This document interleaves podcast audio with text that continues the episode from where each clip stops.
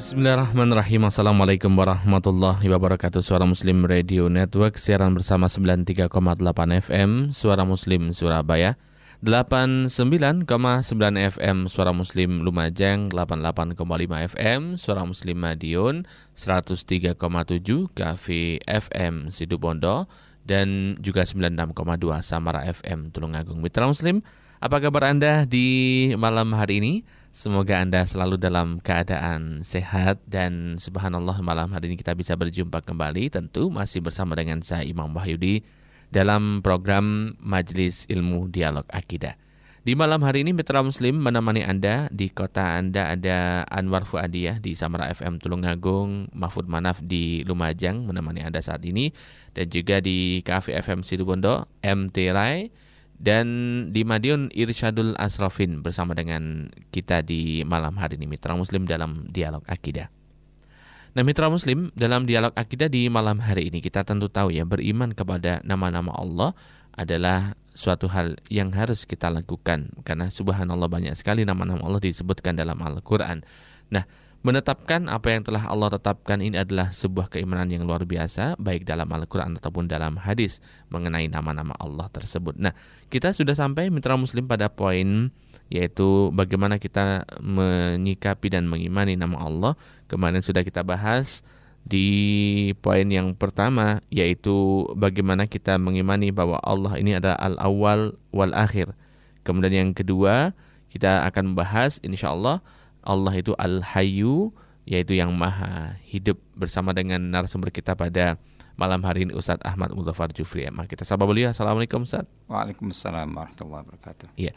Ustadz di episode yang lalu kita telah membahas tentang Al-Hayyu di pendahuluan begitu ya. Yang mengenai Al-Hayyu ini tentu kan uh, hidup atau sifat hidupnya Allah ini kan tidak sama dengan hidupnya makhluk ya. Nanti kita akan coba untuk perdalam lagi Ustaz bagaimanakah perbedaan-perbedaannya ataupun apa sih yang harus diperhatikan bagi kita ini umat Islam tentang nama Allah yaitu Al-Hayyu ini. Silakan Ustaz. Bismillahirrahmanirrahim. Alhamdulillahirrahmanirrahim. Wassalatu wassalamu ala Sayyidina Muhammadin Sayyidil Mursalin wa ala alihi wa ashabi ajma'in Amma ba'd mitra muslim yang dirahmati Allah Ta'ala Kita lanjutkan insyaallah uh, kajian kita tentang akidah, tentang tauhid, tentang keimanan uh, dari kitab Al-Bayan fi Arkanil Iman. Uh, kita sampai pada pembahasan tentang uh, keimanan kepada apa itu kepada kemahasempurnaan Allah. Jadi kita mengimani jadi salah satu aspek dan bentuk keimanan kita kepada Allah mm -hmm. itu meliputi keimanan kepada kemahasempurnaan Allah. Kemahasempurnaan Allah Ta'ala dalam asma dan sifatnya, dalam nama-nama dan sifat-sifatnya. Tentu juga dalam zatnya, dalam afalnya, perbuatan-perbuatan Allah Ta'ala. Nah, kita uh, di dalam bagian ini di apa di dars ini pelajaran ini Eh, kita penulis uh, buku Al-Bayan uh, Syekh Majid Makki itu menyebutkan beberapa contoh. Ya. Jadi artinya bahwa seperti apa sih gambaran mm -hmm. gambaran kemahasempurnaan Allah itu dalam nama-nama dan sifat-sifatnya.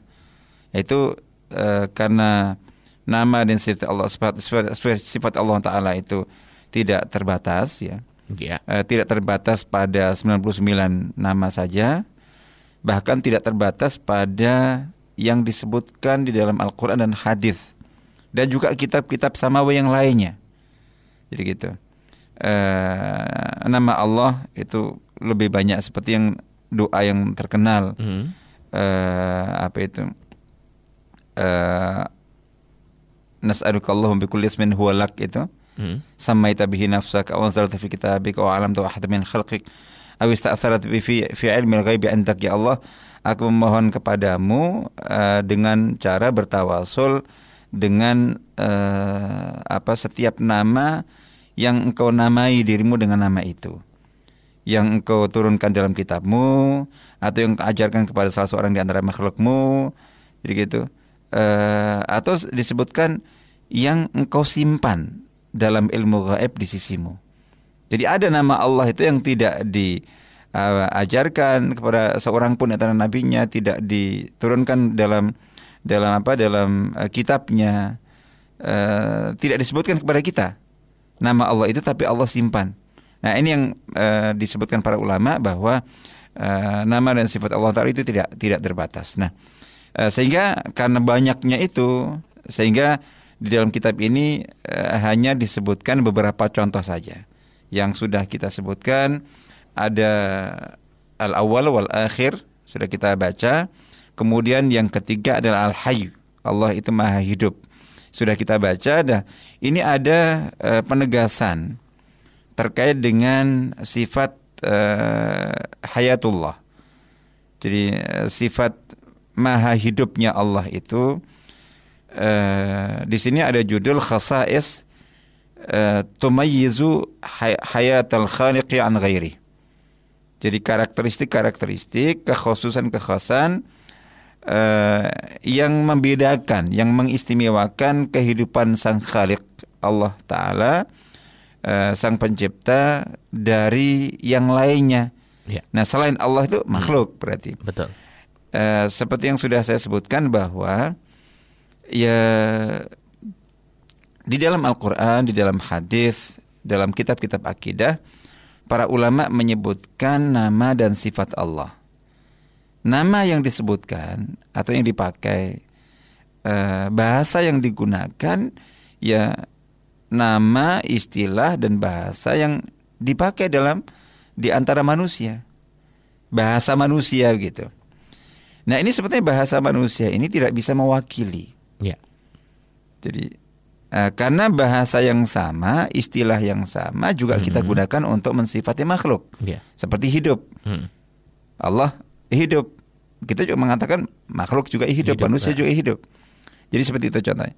Terus ada uh, apa itu Allah mendengar. Hmm. Kata hmm. mendengar juga kita gunakan ya selama ini dalam kehidupan kita. Manusia juga mendengar. Begitu juga melihat, begitu juga berbicara al-kalam. Nah, ini adalah kata-kata istilah-istilah uh, tidak bisa mewakili. Tapi mengapa digunakan? Karena tidak ada cara lain. Jadi karena tujuannya kan untuk memperkenalkan Allah kepada kita agar kita mengenal Allah. Yeah. Nah agar kita mengenal Allah ya tentu harus digunakan bahasa, bahasa kita gitu. Kita ya. gitu. Hmm. Nah kita sadar betul bahasa kita nggak bisa mewakili. Tapi kalau kalau kalau dipakai bahasa yang tidak kita pahami, -hmm. nah kita untuk apa? Tujuannya untuk supaya Allah kita bisa kenal. -hmm. Nah, sehingga seperti itu. Sehingga akhirnya di sini meskipun istilah dan kata yang digunakan itu sama, tapi eh, hakikat maknanya itu tidak sama sama sekali. Hmm. Nah, ini yang kemudian disebutkan khasais tamayyizu hayatal khaliqi an ghairi. Jadi karakteristik-karakteristik kekhususan-kekhususan yang membedakan atau yang mengistimewakan kehidupan Allah eh sang pencipta, Tuhan pencipta dari yang lainnya berarti dari makhluknya. Disebutkan yang pertama, al hayatul lati tasifu biha Allah subhanahu hiya al hayatul dzatiyatul lati lam ta'ti min masdarin akhar. Jadi kehidupan uh, di mana Allah bersifat uh, dengannya, jadi yang digunakan untuk mensifati Allah taala subhanahu wa taala itu adalah kehidupan zati. Jadi kehidupan sifat hidup yang yang uh, asli ya itu ada pada zat Allah lekat dengan zat Allah Taala tidak terpisah darinya jadi yang tidak datang dari sumber lain hmm. jadi kita udah asli memang uh, apa itu ada pada zat Allah SWT amma hayatu jami'il makhlukat adapun kehidupan seluruh makhluk Uh, selain Allah adalah makhluk semuanya. Mm-hmm. Famuktasabatun mauhubatun minal khaliq subhana. Maka kehidupan yang di yang ada pada pada seluruh uh, makhluk manusia apa itu malaikat, mm-hmm. jin dan semua. Semua itu kehidupan itu kehidupan yang yang apa yang didapat dengan cara dibeli diberi jadi mauhubah diberi oleh Allah SWT sang khalik.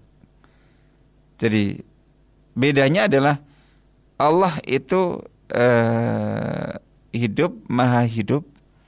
Kehidupan itu uh, ada pada zat Allah apa itu sejak azal.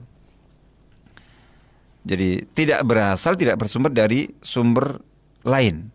Sementara uh, kehidupan makhluk semuanya itu karena Allah yang menghidupkannya.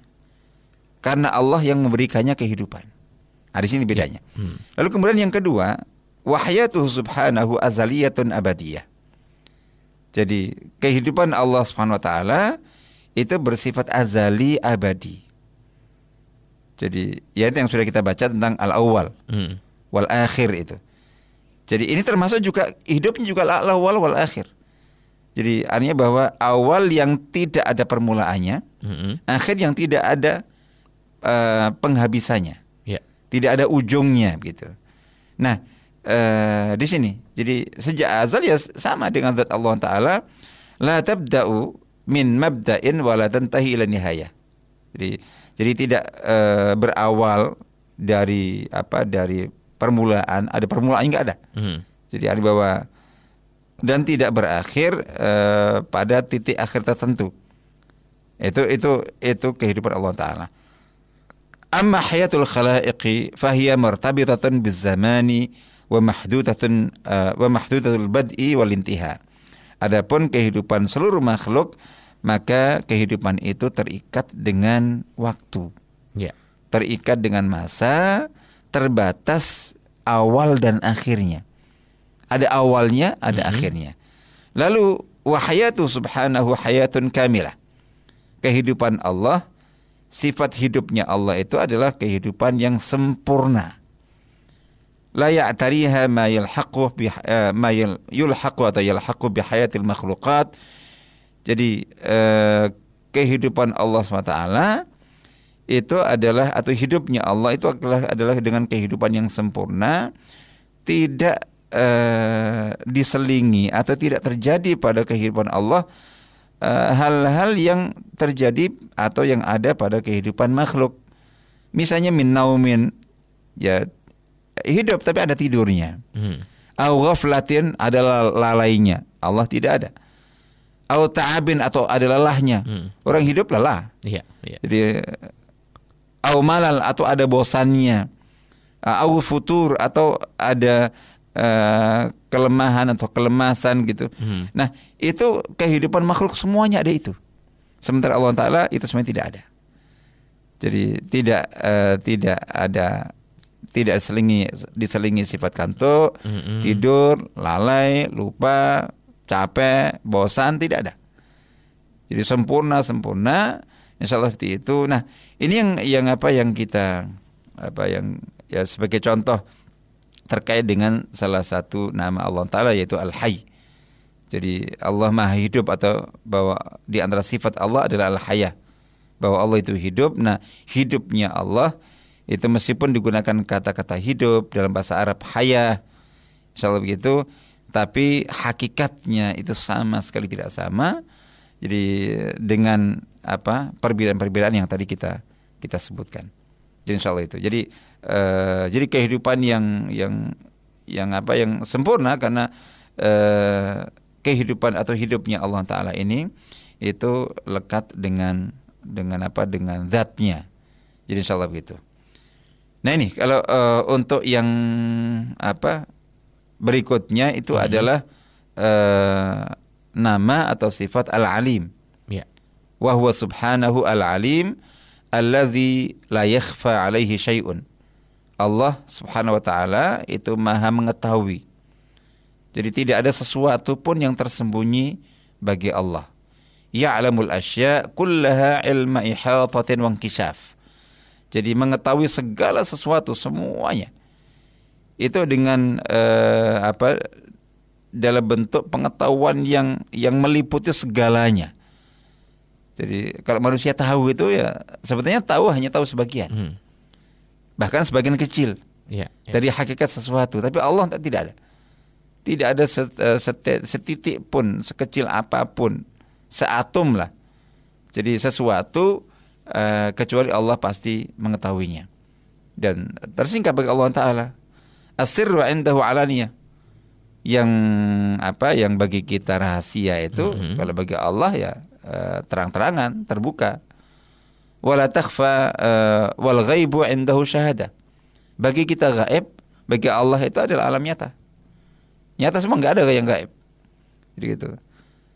Uh, la taqif amamahu hawajizu zaman wal makan wala takhfa alaihi khafiyah. Jadi uh, di hadapan Allah taala itu tidak tidak ada tidak ada batasan-batasan waktu dan tempat atau halangan-halangan waktu dan tempat dan tidak ada sesuatu pun yang tersembunyi bagi Allah Subhanahu wa taala. Dalam Al-Qur'an surat Ghafir disebutkan a'udzubillahi minasyaitonir rajim ya'lamu kha'inatal a'yuni wa ma tukhfi sudur. Ini contoh. Allah mengetahui pengkhianatan mata.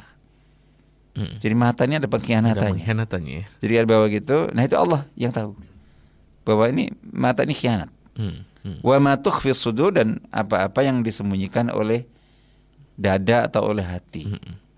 Itu Allah Maha tahu. Jadi bahwa lintasan pikiran dan seterusnya itu Wa qala azza wa jalla wa huwa bikulli syai'in alim ini banyak dalam surat Al-Baqarah 229 eh, dan dia terhadap segala sesuatu itu maha mengetahui.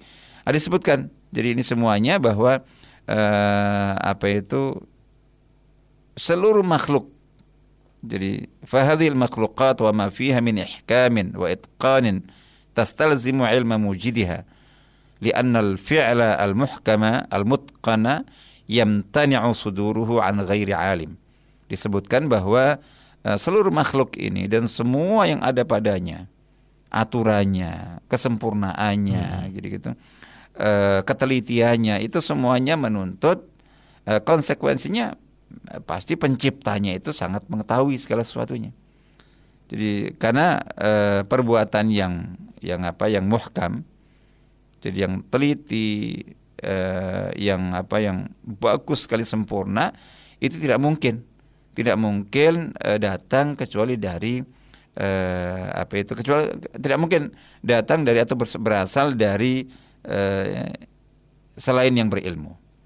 Jadi gitu. Nah ini dalam surat Al-Mulk ala ya'lamu man khalaq wa huwa latiful khabir.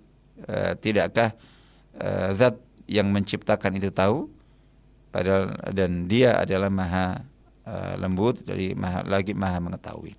Nah, jadi ini ini yang uh, sementara kemudian disebutkan tentang bahwa perbedaan ilmu Allah dengan ilmu manusia. Kata-kata ilmu juga sama. Hmm, betul. Ya. Itu, itu kita gunakan kita mensifati Allah bahwa Allah itu memiliki ilmu. Hmm. Jadi alim, Eh, manusia juga kita katakan mempunyai ilmu. Nah ini oh berarti sama tidak? Itu sama hanya dalam kata yang tadi saya sebutkan. Terpaksa digunakan karena memang tidak mungkin uh, apa ya digunakan bahasa yang tidak dipahami oleh makhluk dalam men, uh, mengenalkan Allah kepada makhluk itu. Nah ini disebutkan bahwa ilmu Allah itu tidak berbeda sama sekali dari ilmu manusia. Karena ilmu manusia itu sedikit terus kemudian terikat dengan waktu, dengan tempat. Jadi lalu kemudian ilmu itu didapat setelah sebelumnya bodoh. Hmm. Jadi kita yeah, yeah. orang berilmu uh, tidak dari awal. Hmm. Sebelumnya nggak tahu apa-apa. Adapun ilmu Allah fahuwa ilmun muhitan bikulli syai'in mundzil azal. Adapun ilmu Allah taala adalah ilmu yang meliputi segala sesuatu, tidak ada sesuatu pun yang tersembunyi bagi Allah dan itu sejak azal, sejak azali. Sejak masa azali yang uh, ya'lamul juz'iyat wal kulliyat jadi tahu segala yang detail. Jadi maupun yang umum. Wala yataqayyatu bizamanin wala makan ilmu Allah taala tidak terikat dengan uh, zaman, mm -hmm. waktu, tidak juga tempat, wala ya'tarih nisyan dan tidak diselingi lupa. Manusia dikatakan uh, dia tahu. Mm tapi kadang lupa. Ah, lebih banyak lupanya. Dan insya Allah begitu. Ya, jadi insya Allah itu uh, apa itu tambahan untuk uh, sifat uh, al-haya, mm -hmm. hayatullah SWT, mm -hmm. uh, hidupnya Allah Taala. Yang kedua adalah uh, nama atau sifat al-alim, uh, maha mengetahuinya Allah ya. SWT. Ya. ya. Dua sifat yang luar biasa sudah kita uh, pelajari ya mitra muslim. Yang pertama adalah Al-Hayyu Allah Maha Hidup. Yang kedua adalah Al-Alim Allah Maha mengetahui apa yang ada di hati kita baik kita sembunyikan ataupun isyarat mata tadi disebutkan ya saja ya.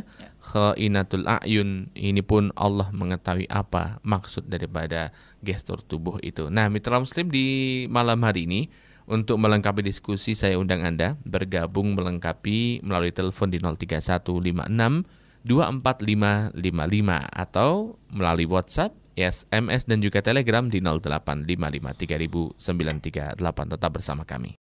Mitra Muslim terima kasih kebersamaan Anda di malam hari dalam dialog akidah dan kita masih bersama dengan Ustadz Ahmad Mulafar Jufri MA. Tadi kita membahas tentang Al-Hayyu, nama Allah yang maha hidup begitu ya.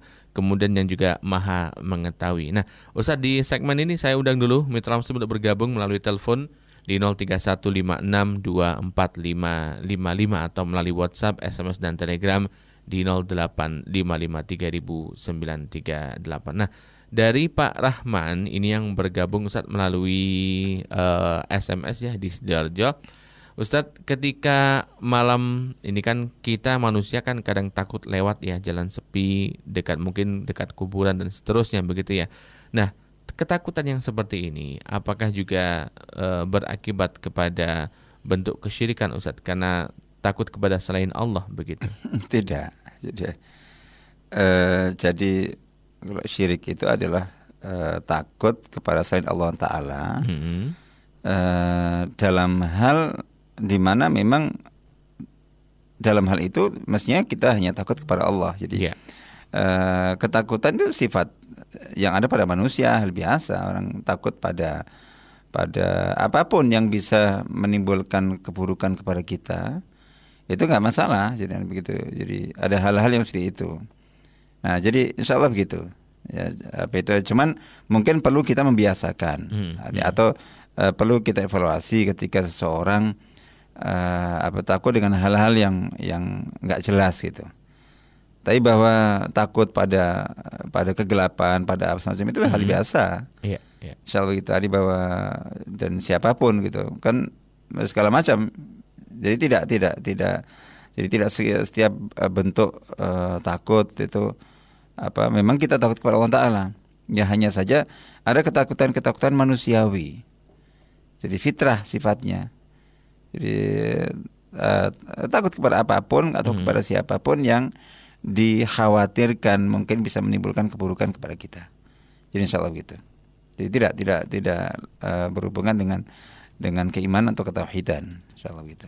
Ya, baik seperti itu Pak Rahman yang ada di Sidoarjo. Terima kasih sudah bergabung melalui SMS dan kita ke Pak Imam Ustadz yang ada di Kediri.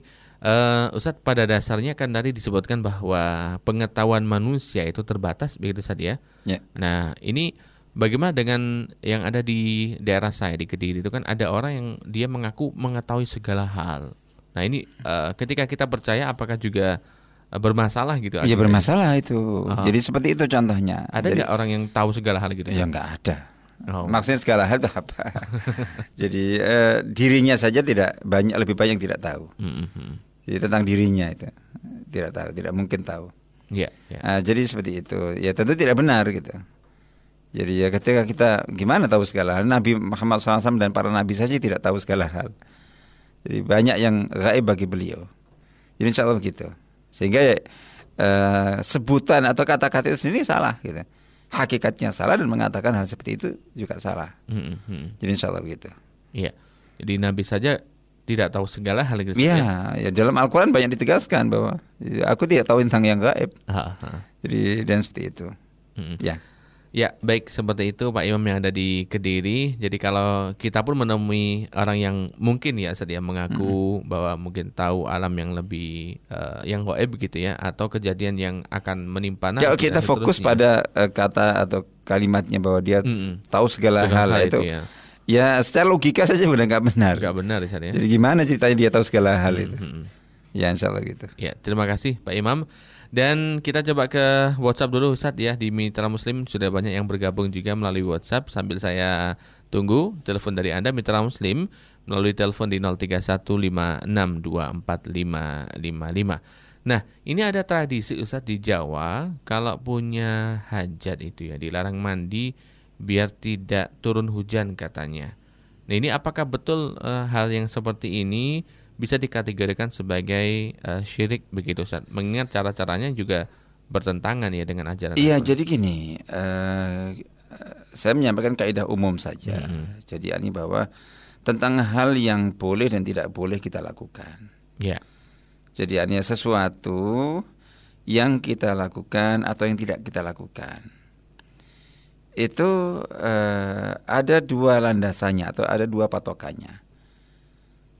Jadi ada patokan uh, pertimbangan maslahat madarat berdasarkan logika. Mm -hmm. Mm -hmm jadi gitu. Yang kedua adalah yang sumbernya adalah wahyu. Jadi gitu.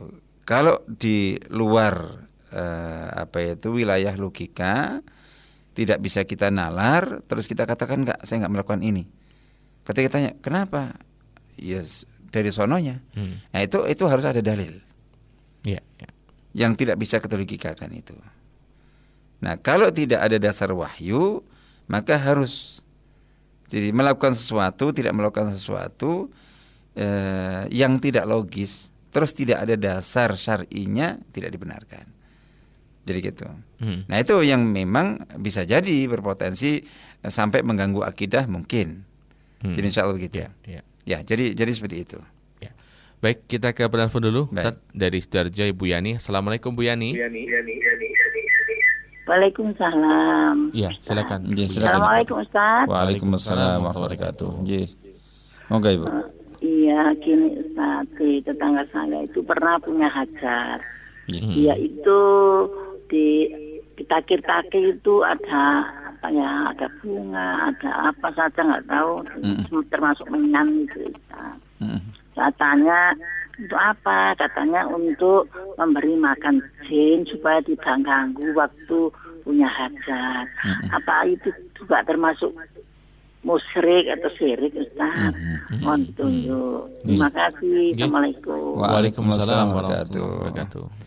Jadi seperti yang tadi saya sebutkan Ibu. Hmm. Jadi artinya bahwa jadi uh, untuk hal-hal yang yang ada di sekitar kita atau di uh, wilayah apa itu alam nyata ya alam syahadah alam nyata alam yang terlihat apa alam yang kita, kita bisa kita rasakan maka yang tadi yeah. kita sebutkan kita melakukan ini atau tidak melakukan itu itu dasarnya adalah tadi dasarnya adalah logika jadi uh, ini oh, kok menyediakan kok masak banyak oh, hmm. ada tamu jadi gitu karena tamunya banyak ya masakannya banyak gitu jadi gitu selalu gitu nah kalau misalnya tamunya banyak tapi kok masaknya sedikit, sedikit ah ya. itu ada sesuatu gitu ya, ya. selalu gitu nah jadi seperti itu terus kemudian nah untuk hal-hal yang di luar logika kita di luar hmm. di luar alam nyata kita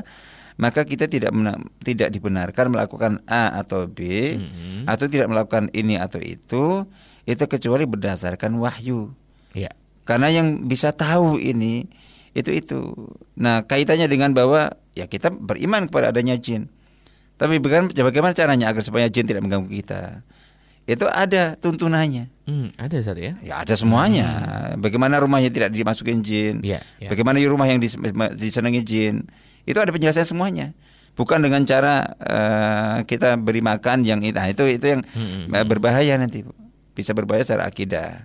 Karena uh, menggunakan cara-cara yang tidak dikenal dalam dalam uh, dalam Islam mm-hmm. itu berarti pasti dari ajaran dari ajaran lain. Yeah. Nah kita menggunakan ajaran lain itu uh, bermasalah secara akidah. Ya. Yeah. Terima kasih Bu Yani di Sturja sudah bergabung di malam hari melalui telepon. Ustaz kita harus ke jeda pariwara. Melengkapi diskusi kita di malam hari ini dalam dialog akidah kita masih membahas tentang nama-nama Allah yang mulia dan ini disebutkan tadi memang kalau kita melihat ada dua yang sudah kita pelajari di malam hari ini dari kitab Al-Bayan fi Arkanil Iman yaitu Al-Hayyu dan juga Al-Alim yaitu Maha Hidup dan juga Maha Mengetahui. Di malam hari ini Anda boleh bergabung mitra muslim melengkapi diskusi di 031 5624555 atau melalui WhatsApp, SMS dan Telegram di 0855300938. Kita ke SMS dulu saja ya. Ya. Dari Bapak Musoli yang ada di Pasuruan ingin mengetahui ada empat pertanyaan di sini. Tapi sebelumnya di Gatekeeper sudah ada sinyal uh, untuk penelpon ya. Kita sapa dulu Ibu Ida di Madura. Assalamualaikum, Bu Ida. Waalaikumsalam Fatimah. Iya, silakan Ibu. Ya. Assalamualaikum. Waalaikumsalam. Waalaikumsalam. wabarakatuh. Silakan Ibu. Mau bertanya Ustaz. Seperti tadi ada pertanyaan kalau nggak mandi. Tapi beda. Saya kan punya keluarga. Kalau apa? Nggak jelas. Kalau nggak mandi ya. Iya yang seperti tadi Oh, hujan tadi ya. hujan itu iya. Mm-mm. Saya juga punya keluarga Mm-mm. Yang sering dimintain tolong sama orang kalau punya hajatan itu. Mm-mm. Tapi caranya beda. Itu Mhm. sama keluarga saya itu dikasih dupa kalau mendung disuruh bakar gitu. Mm-mm. Apa ini salah caranya? Tapi kalau orang minta mendadak itu dia nggak mau. Dia bilang gini, oh nggak bisa, itu nggak bisa mendadak karena saya harus melek malam dulu gitu. Mm-mm. Mm-mm. Harus dia mulail dulu. Apa salah caranya seperti itu, Ustaz? Ya, ya. baik. Yang kedua, ini ada titipan dari teman saya, Mm-mm. pendengar suara Muslim juga, Oh, ya. tapi masih malu untuk masuk sendiri. Mm-mm. Dia menitipkan begini, kalau ya, kalau misalnya tangannya itu gatal Mm-mm. dan yakin itu akan dapat rezeki apa itu termasuk sirik gitu. Ah. Terima kasih, Ustaz. nggih, beda. Assalamualaikum. Waalaikumsalam warahmatullahi wabarakatuh. Dua pertanyaan yang menarik nih, Sat. Bagaimana, Sat? Iya, yang Yang pertama eh, tadi ya. Pertama adalah ya ini terkait dengan yang tadi kita sebutkan. Jadi Mm.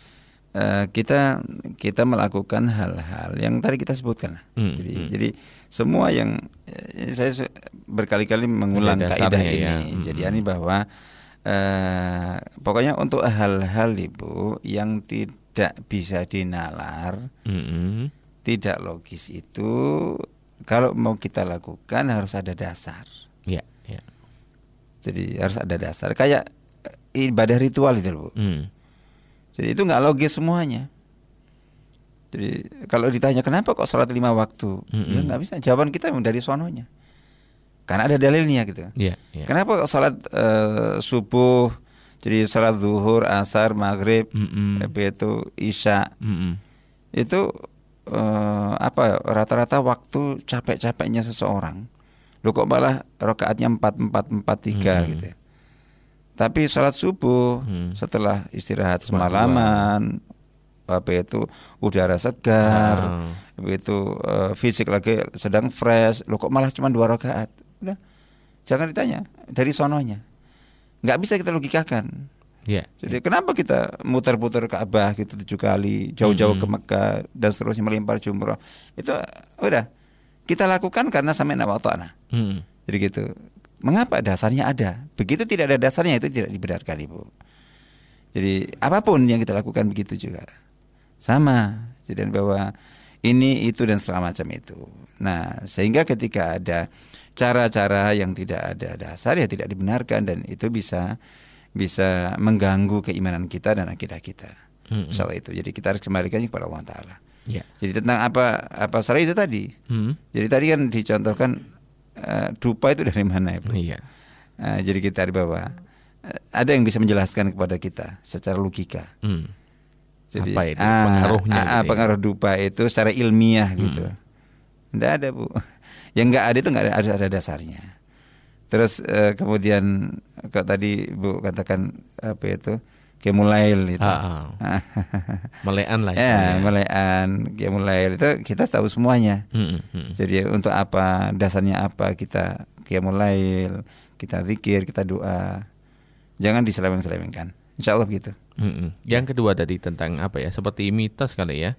Ini kalau tangan gatel berarti rezeki akan datang cepat. jadi gini, jadi artinya bahwa ya lagi-lagi itu tadi. Mm-mm. Jadi kalau apa itu ada eh, ya kalau babnya ada kaitan dengan dengan apa dengan keyakinan Mm-mm. pada uh, umat selain Islam ya harus kita hindari. Kalau ini begini, kalau ini begini dan semacam itu. Itu uh, kita khawatir masuk dalam kategori tatayur. Tapi kalau untuk hal-hal yang bersifat tanda tanda-tanda dan itu dikaitkan dengan dengan kesialan, nah itu hmm. bisa masuk ke tiara tatayur. Hmm, nah, tapi yeah, kalau yeah. hal yang bersifat uh, positif, hmm. insyaallah begitu. Nah, itu tetap ada apa ya? Jadi ada potensi ya, Itu ya? ada tafaul. Oh. Memang kalau al-fa'la tafaul itu ini tapi uh, yang membuat kita tafaul itu tetap ada yang bisa kita kaitkan. Hmm, yeah, Jadi yeah. tetap ada keterikatan tertentu. Jadi bahwa oh ini gatal dari mana asalnya itu bahwa itu dijadikan sebagai bahan untuk kita berharap gitu hmm. optimis jadi oh kok kayaknya begini gitu. Ada hmm. atau ada sinyal tertentu yang dibahasakan ada firasat. Nah, itu firasat itu biasanya ada keterkaitan tetap bu. Tetap ada keterkaitan. Jadi ya, soal ya. begitu. Sehingga ya ya kalau sifatnya uh, harapan baik untuk hal yang bersifat baik itu uh, itu secara umum tidak. Tapi tetap saja harus ada keterkaitannya. Insya Allah begitu. Ya Baik, terima kasih Bu Ida sudah bergabung melalui telepon di malam hari ini. Kita ke Pak Musoli tadi saatnya tepat uh, terputus apa yang kita bahas untuk beliau ini.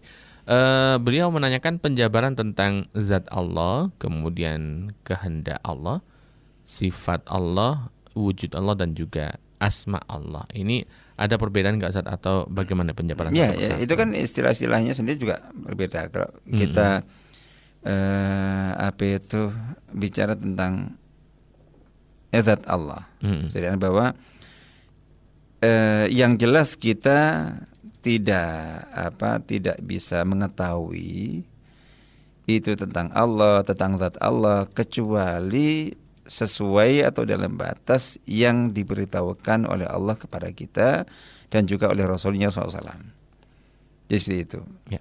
Nah itu ya sebagaimana yang dijabarkan dalam dalam uh, nama-nama Allah, sifat-sifat Allah, perbuatan-perbuatan Allah. Itu menunjukkan zatnya. Jadi insya Allah gitu. Jadi karena uh, apa itu itu ada. Jadi bahwa uh, nama-nama sifat-sifat itu itu tentu semuanya itu uh, terkait dengan zat Allah Taala. Jadi Eh, kita tidak ini tidak tidak bisa mengatakan sesuatu.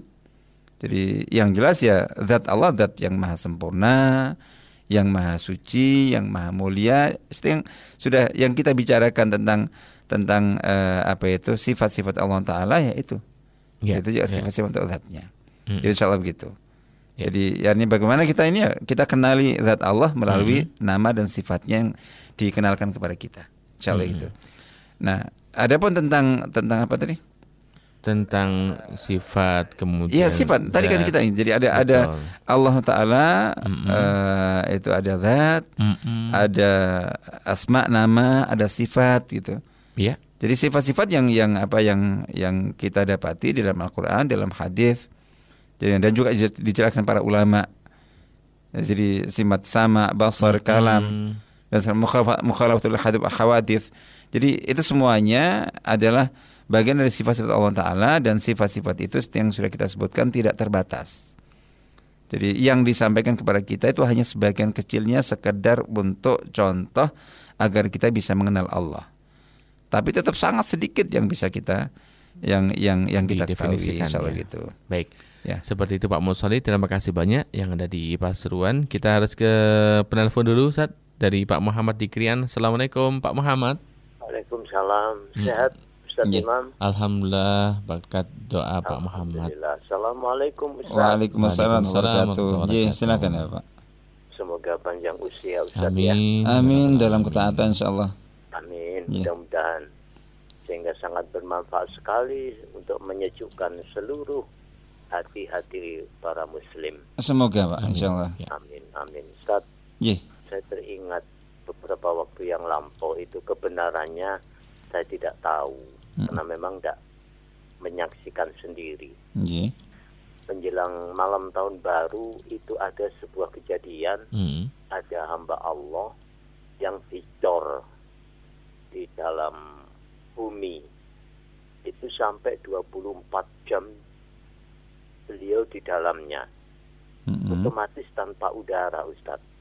Mm-hmm. Nah, dengan yeah. kejadian tersebut itu kalau tidak salah pada mm. saat lima tahun yang lalu atau tujuh tahun yang lalu. Mm-hmm. Hal yang demikian ini hamba Allah yang menggandakan nyawa itu mm. termasuk apa Ustadz?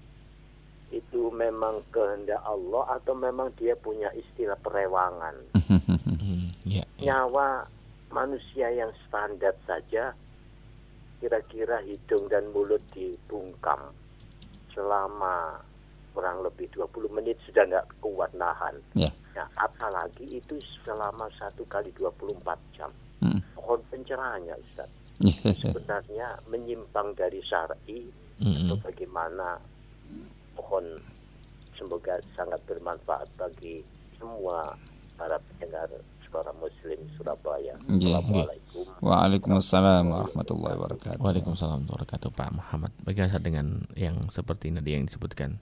Uh, iya, tadi kita lanjut dengan Pak ini masih uh, Pak Musali tadi. Oh, Pak Musali ya. Hmm. Iya Pak. Jadi uh, itu istilah-istilah semuanya yang kita apa itu yang disebutkan apa tadi juga termasuk wujud Allah Taala. Mm -hmm. Kan sudah kita bahas iya, tentang ya, uh, tentang wujudnya Allah, hmm. adanya. Jadi salah satu uh, bentuk apa itu uh, cakupan iman kepada Allah adalah kita beriman kepada adanya Allah. Itu yang pertama kali. Jadi tapi adanya Allah wujudnya Allah sebagai jadi harus kita ini kan. Jadi jangan wujud Allah tapi wujud Allah sebagai uh, sebagai Rabbul Alamin. Jadi uh, sebagai uh, ilahun nas.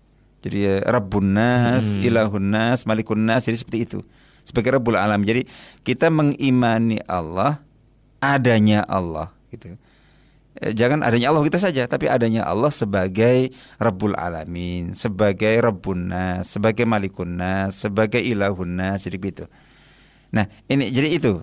Jadi ya, uh, itu nah tentang adanya Allah yang uh, apa sifat wujud itu bagi Allah Taala itu yang sudah kita sebutkan itu wujud hati. Jadi bahwa kalau kalau kita ada, hmm, manusia hmm. ada, makhluk ada itu karena karena Allah yang mengadakannya. Iya, yeah, betul. Kalau tidak Allah yang mengadakannya tidak ada. Tapi kalau Allah adanya Allah itu ada dengan sendirinya. Maka juga kemudian disebutkan qiyam bi nafsihi. Jadi wujud bi nafsi. Jadi ani bahwa uh, wujud yang Allah Taala tidak terkait dengan dengan dengan apa dengan apa pun dengan siapa pun dan tidak ada permulaannya tidak ada ujung akhirnya. Jadi insya Allah begitu. Terus adanya tidak sebagaimana uh, adanya Allah itu ada dengan sendirinya adanya manusia adanya makhluk semuanya karena Allah yang mengadakannya. Jadi insya Allah itu.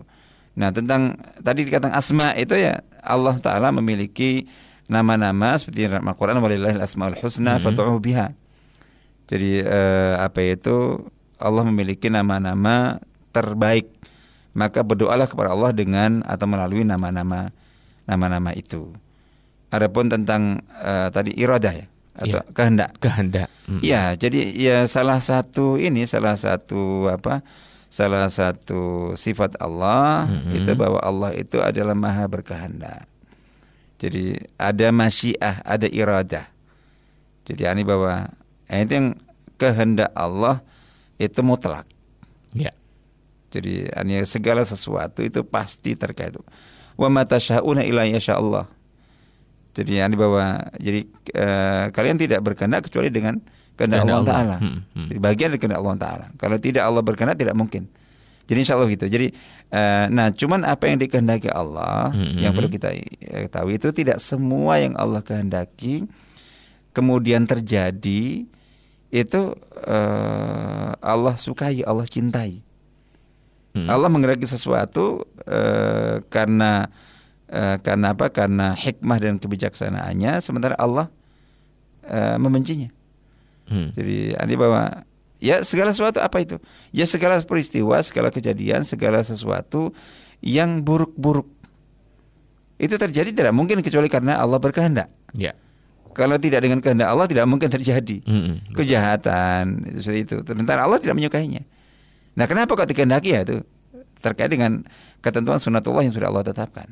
Karena kehidupan ini tidak mungkin uh, terja uh, tidak mungkin berjalan dengan baik kecuali dengan dengan ya dengan itu tadi ya hmm. ada yang baik ada yang buruk hmm. Hmm. Uh, ada yang taat ada yang maksiat Insya Allah kita ya baik terima ya. kasih Pak Musalli yang ada di Pasuruan tadi dilengkapi oleh beliau dan uh, Ustadz tadi kalau kita bergeser kepada pertanyaan Pak Muhammad tadi ya, hmm. ya tentang kejadian di tahun yang lalu begitu ya bahwa ada orang yang kemudian kok hidup lagi setelah uh, tadi mati gitu seperti kan Enggak, jadi eh, apa tadi persisnya? Jadi di hmm. apa dicor atau di dicor gitu ya. Uh, atau, atau di apa ditanam. Hmm. Jadi jadi gini Pak, uh, secara umum jadi lagi-lagi uh, kita kembali kepada kaidah.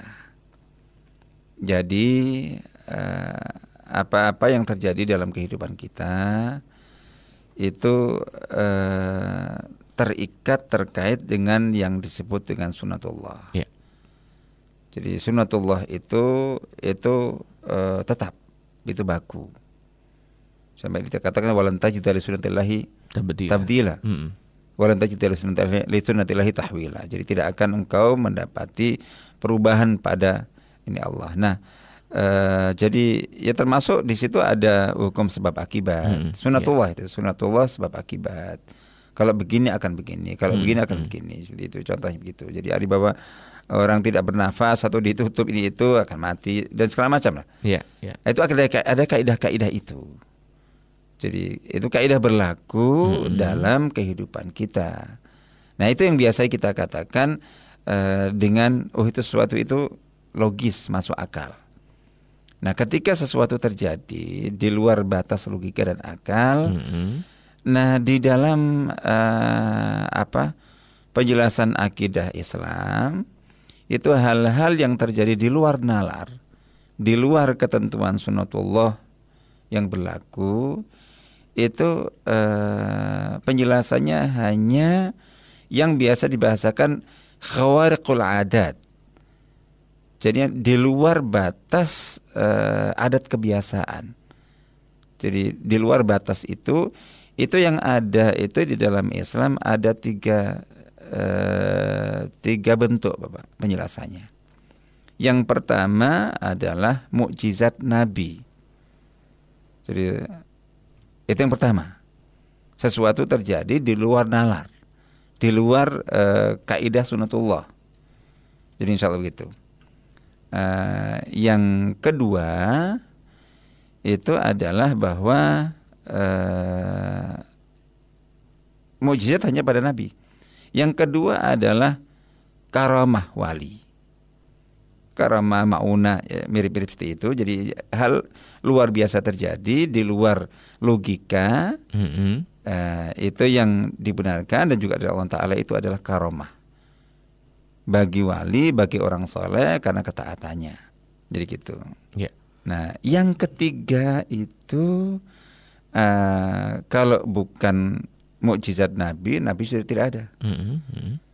Terus e, terjadi sesuatu yang di luar nalar tapi tidak pada seorang wali.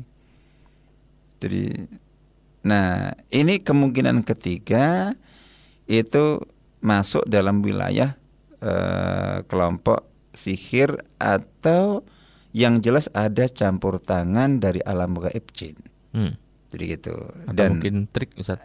Gimana? atau mungkin trik sulap kan juga ya, bisa. Ya, ada trik. Jadi hmm. itu ada kemungkinan kalau yeah. kalau itu kan berarti ada ini, ada sesuatu mungkin mungkin mungkin keempat kalau gitu. Hmm, hmm. Jadi ada mungkin ada sulap. Iya, betul. Su, tapi sulap dalam dalam konteks yang yang apa yang masih ini ya. Hmm. Jadi permainan ya. Permainan. Nah, jadi ke permainan, kecepatan ini itu tapi dalam batas. Hmm, jadi dalam iya. batas. Jadi kalau memang betul itu jadi ya oke okay, kalau itu berarti ada tipuan di sana. Hmm, hmm.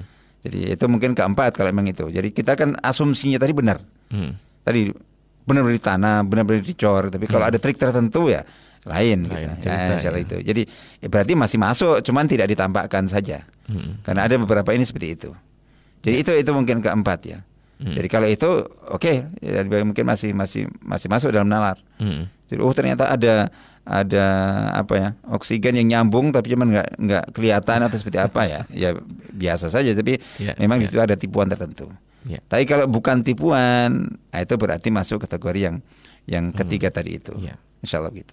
Dan Baik. itu tidak benarkan. Betul sekali. Baik, terima kasih Pak Muhammad dan saat kita harus ke jeda pariwaya. Nanti kita akan uh, sambung kembali Metra Muslim di segmen terakhir kita dan Anda boleh bergabung untuk melengkapi diskusi melalui telepon di 031 5624 555 atau melalui WhatsApp, SMS, dan Telegram di 0855300938. Mitra Muslim, terima kasih kebersamaan Anda di malam hari ini dalam Dialog Akidah dan kita masih bersama dengan Ustadz Ahmad Muzaffar Jufri MA di malam hari ini. Dan Mitra Muslim, ini segmen terakhir kita Anda boleh bergabung melalui telepon di 0315624555 atau melalui WhatsApp, SMS, dan Telegram di 0855300938. Kita sudah bersama dengan telepon saat kita sapa dulu di malam hari ini. Assalamualaikum. Ya, silakan Bapak. Ini Ustaz. Okay. Mau tanya tentang masalah kita sebagai umat Islam. Ini bisa dibantu. Berteman dengan yang Islam. Mm. Bolehkah? Sebab kedudukannya manusia dan jin itu kan sama wa ma khalaqul jinna wal insa illa liya'budun. Misalnya kita telah mengetahui alam jin Contoh di Surabaya hmm. dulu di Nyinden itu ada namanya di Muhin. Itu mempunyai santri jin ribuan. Hmm. Pada waktu itu tokoh Muhammadiyah namanya Bia Arifin kurang percaya dengan adanya alam jin yang diandalkan cuma akal. Hmm. Yeah. Akhirnya dengan mengetahui akhirnya oleh Muhyiddin dan dekatnya beratan itu, yeah. akhirnya tahu biari sini dengan alam jin. Yeah. Bolehkah kita berteman dengan jin? Nanti kan jin itu kan ada yang Islam. Dan tugas kita sebagai umat Islam buat ta'amanu alal birdi. Saling membantu ke arah kebaikan. Mm, yeah. Jadi bukan hanya kita apa punya teman sama manusia, hmm. tapi juga punya teman dengan jin. Ya. Dan ilmu yang sedemikian itu kan jarang dimiliki oleh ustadz. Ustadz itu kan jarang. Hmm.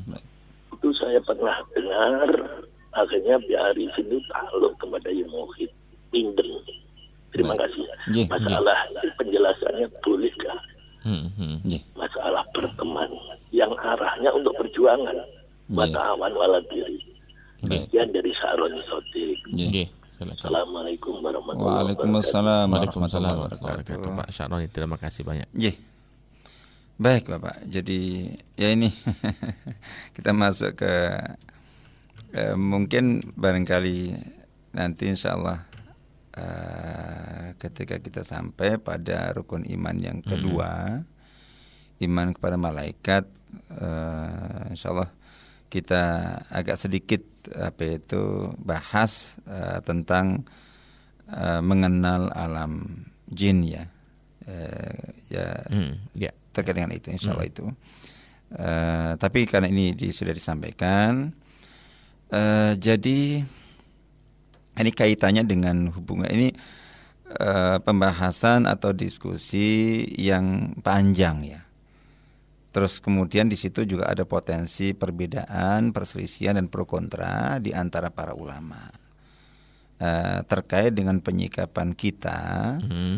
uh, terhadap jin dalam kaitannya dengan uh, tadi berteman, berhubungan, jadi bekerja sama dan juga ber apa itu tadi disebutkan uh, termasuk meminta tolong. Yeah kepada uh, ini. Ada ini, jadi ada apa? Ada kalimat-kalimat, ungkapan-ungkapan dari Imam Ibn Taimiyah uh, di dalam kitab beliau uh, Kutaib ya. Hmm. Masuk dalam dalam kitab Majmul Fatawa tapi dipisahkan dalam kitab Al-Furqan. Baina awliya'ir rahman wa awliya'ir syaitan. Itu di bagian agak akhir insya Allah begitu itu beliau nyinggung tentang masalah itu. Masalah uh, kerjasama atau uh, apa itu jadi hubungan antara manusia dengan jin. Uh, nah itu beliau uh, memang kemudian di sini pendapat beliau ini dikontroversikan di antara di banyak kalangan. Jadi beliau menyebutkan bahwa itu dimungkinkan. Jadi dan bagaimana hukumnya atau bagaimana ininya itu tergantung.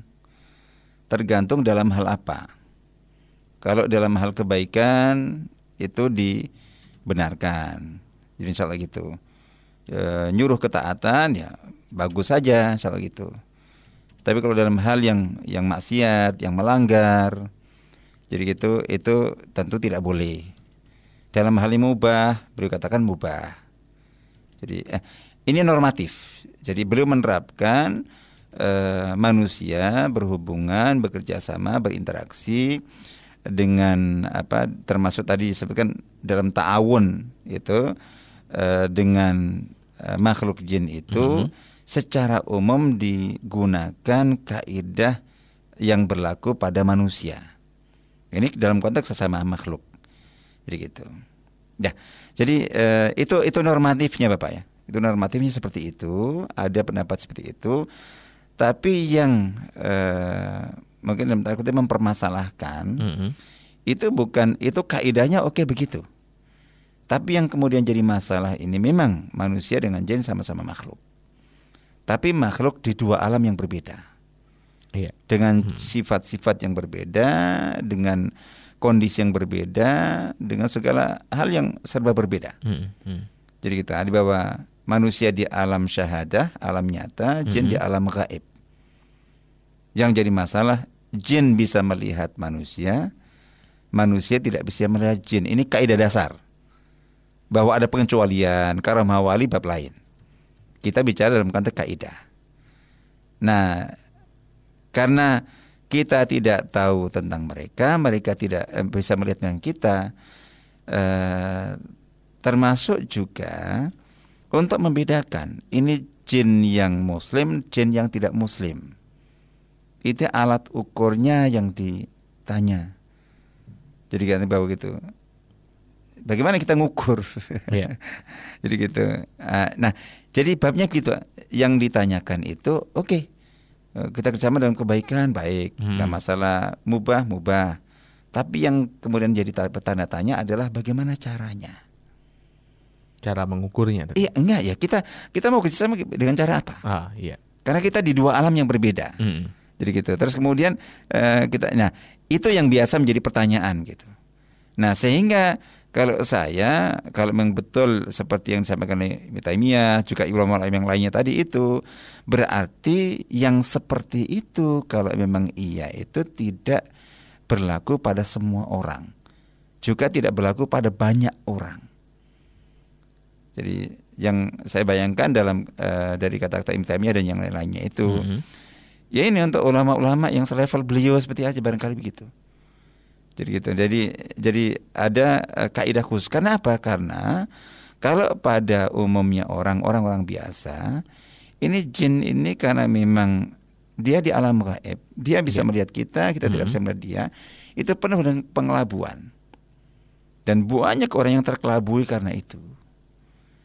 Nah, yang insya Allah dijaga Allah Taala karena ilmu dan ketakwaannya yaitu jadi eh, yang betul-betul bisa. Sehingga kalaupun iya itu hanya pada orang-orang khusus. Sementara eh, secara umum kaidah umum bagi umumnya orang itu kita tetap hati-hati, tetap waspada. Ya, ya insya Allah begitu karena masya Allah trik dan tipuan mereka luar biasa dahsyatnya. Hmm. Dan itu maklum karena itu memang bagian dari senjata mereka untuk mengelabui manusia. Insya Allah itu Pak. Ji. Yeah. Kemudian uh, ya kalau kaitannya dengan tadi disinggung uh, tentang Ustadz Bay Arifin, ya saya kurang tahu. Uh, ya saya banyak apa itu ya tahu tentang beliau, uh, baca beras sebagian buku beliau gitu dan ini tapi uh, apa itu tentang kalau kaitannya dengan dengan apa dengan dengan keyakinan atau kepercayaan kepada adanya jin itu mutlak Bapak. Itu bermasalah kalau sampai ini. Tapi alhamdulillah bahwa kemudian beliau begitu mengikukinya tapi uh, itu berbeda antara tentang pengakuan akan adanya jin di satu sisi dan uh, terkait hubungan manusia dengan jin itu uh, sisi yang lainnya ya salah itu ya Baik, terima kasih banyak. Ini Pak Syarani sudah bergabung melalui uh, telepon di malam hari ini dan ini menjadi penghujung kebersamaan kita saat ya di malam hari ini dalam dialog akidah sampai bertemu di kesempatan yang akan datang. Semoga manfaat insya Allah. Amin. Assalamualaikum Ustaz. Waalaikumsalam. Mitra Muslim di mana pun Anda berada, Alhamdulillah kita di malam hari ini bisa sama-sama ini mempelajari satu persatu ya nama-nama Allah Subhanahu wa taala dan di kesempatan pada malam hari ini kita berada di penghujung kebersamaan. Insya Allah kita akan lanjut di episode yang akan datang. Dan akhirnya segenap kru yang bertugas, produser sekaligus gatekeeper Raga Satria Pengendali Siar di Lumajang, Mahfud Manaf di Madiun Irsyadul Asrafin, Raya FM, ada uh, Fajar di sana dan juga saya Imam Wahyudi pamit untuk diri. Subhanakallahumma wa bihamdika. Nashhadu an la ilaha illa anta nastaghfiruka wa natubu ilaik. Maha suci engkau ya Allah dengan memujimu kami bersaksi bahwa tiada Tuhan yang berhak diibadai melainkan engkau. Kami mohon ampun dan bertaubat kepadamu. Wassalamualaikum warahmatullahi wabarakatuh.